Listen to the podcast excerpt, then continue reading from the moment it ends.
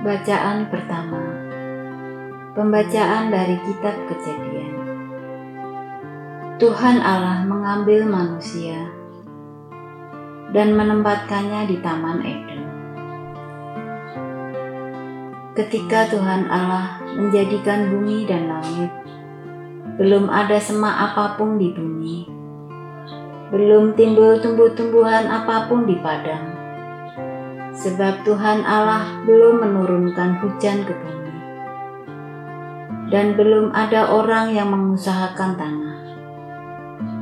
Tetapi ada kabut naik ke atas dari bumi dan membasahi seluruh permukaan bumi itu. Ketika itulah Tuhan Allah membentuk manusia dari debu tanah dan menghembuskan napas hidup ke dalam hidungnya. Demikianlah manusia itu menjadi makhluk yang hidup. Selanjutnya Tuhan Allah membuat taman di Eden di sebelah timur. Di situlah ditempatkannya manusia yang dibentuknya itu.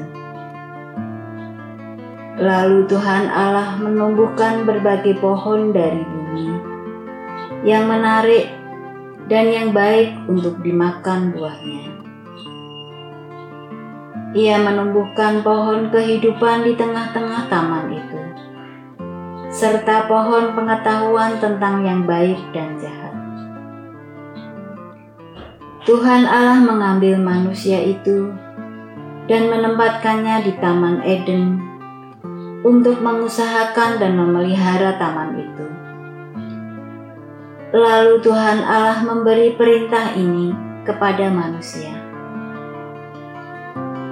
semua pohon dalam taman ini boleh kau makan buahnya dengan bebas. Tetapi pohon pengetahuan tentang yang baik dan yang jahat itu, janganlah kau makan buahnya.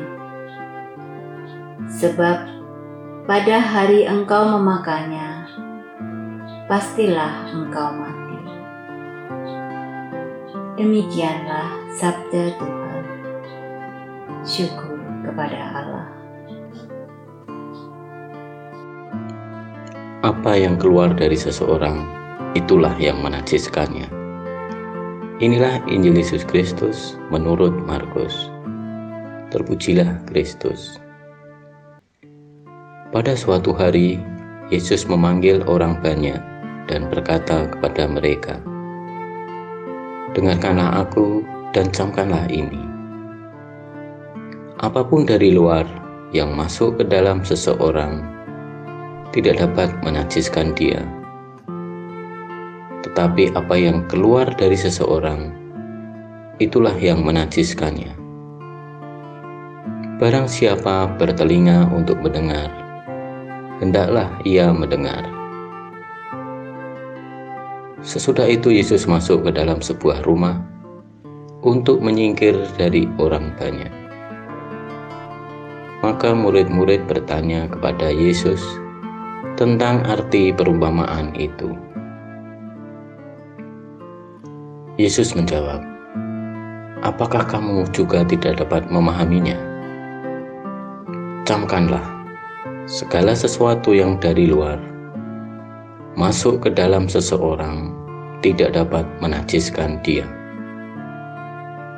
Karena tidak masuk ke dalam hati, tetapi ke dalam perutnya. Lalu dibuang di jamban.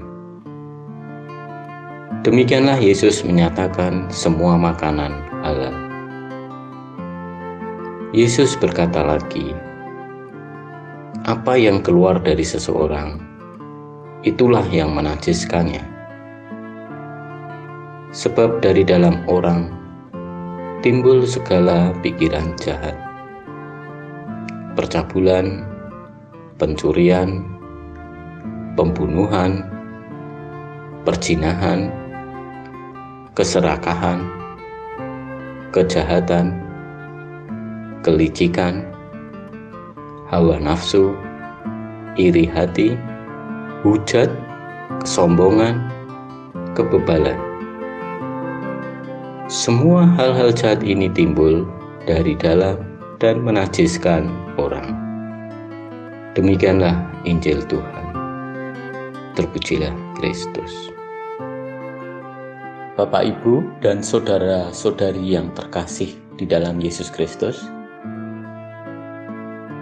setelah Allah membentuk manusia seturut gambar dan rupanya, kini Allah membagi napasnya sendiri ke dalam badan manusia, supaya ia menjadi hidup. Manusia mendapat napas kehidupan dari napas Allah sendiri. Maka ia bersatu dengan Allah dan menjadi mitra dan partner Allah. Allah menciptakan Taman Eden dan manusia itu ditempatkan di sana. Artinya manusia bertanggung jawab atas semua ciptaan Allah.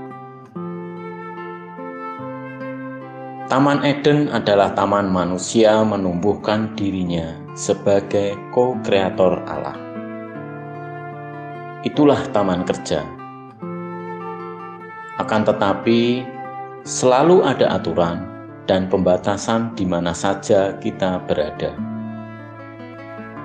Demikianlah kepada manusia, Allah memberi aturan untuk tidak memakan buah di tengah taman. Menjadi partner Allah berarti orang mengikuti perintah Tuhan.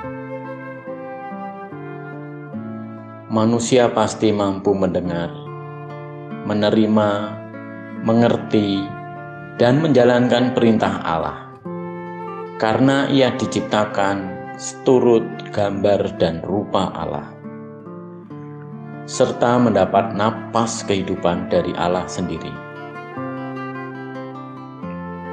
Namun, sejak manusia pertama melawan perintah Allah, berkaitan dengan buah di tengah taman, sejak itu juga ia cenderung membuat aturannya sendiri. Celakanya lagi, ia beranggapan bahwa aturan yang dibuatnya itu berasal dari perintah Allah sendiri. Inilah yang dikecam Yesus dalam Injil pada hari ini. Yang berbicara tentang perintah Allah dan adat istiadat manusia. Untuk Yesus, yang paling penting apa yang ada di dalam hati, batin, dan roh manusia, dan bukan apa yang ada di luar atau datang dari luar. Karena itu Yesus berkata, apa pun dari luar yang masuk ke dalam seseorang tidak dapat menajiskannya. Tetapi apa yang keluar dari seseorang, itulah yang menajiskannya.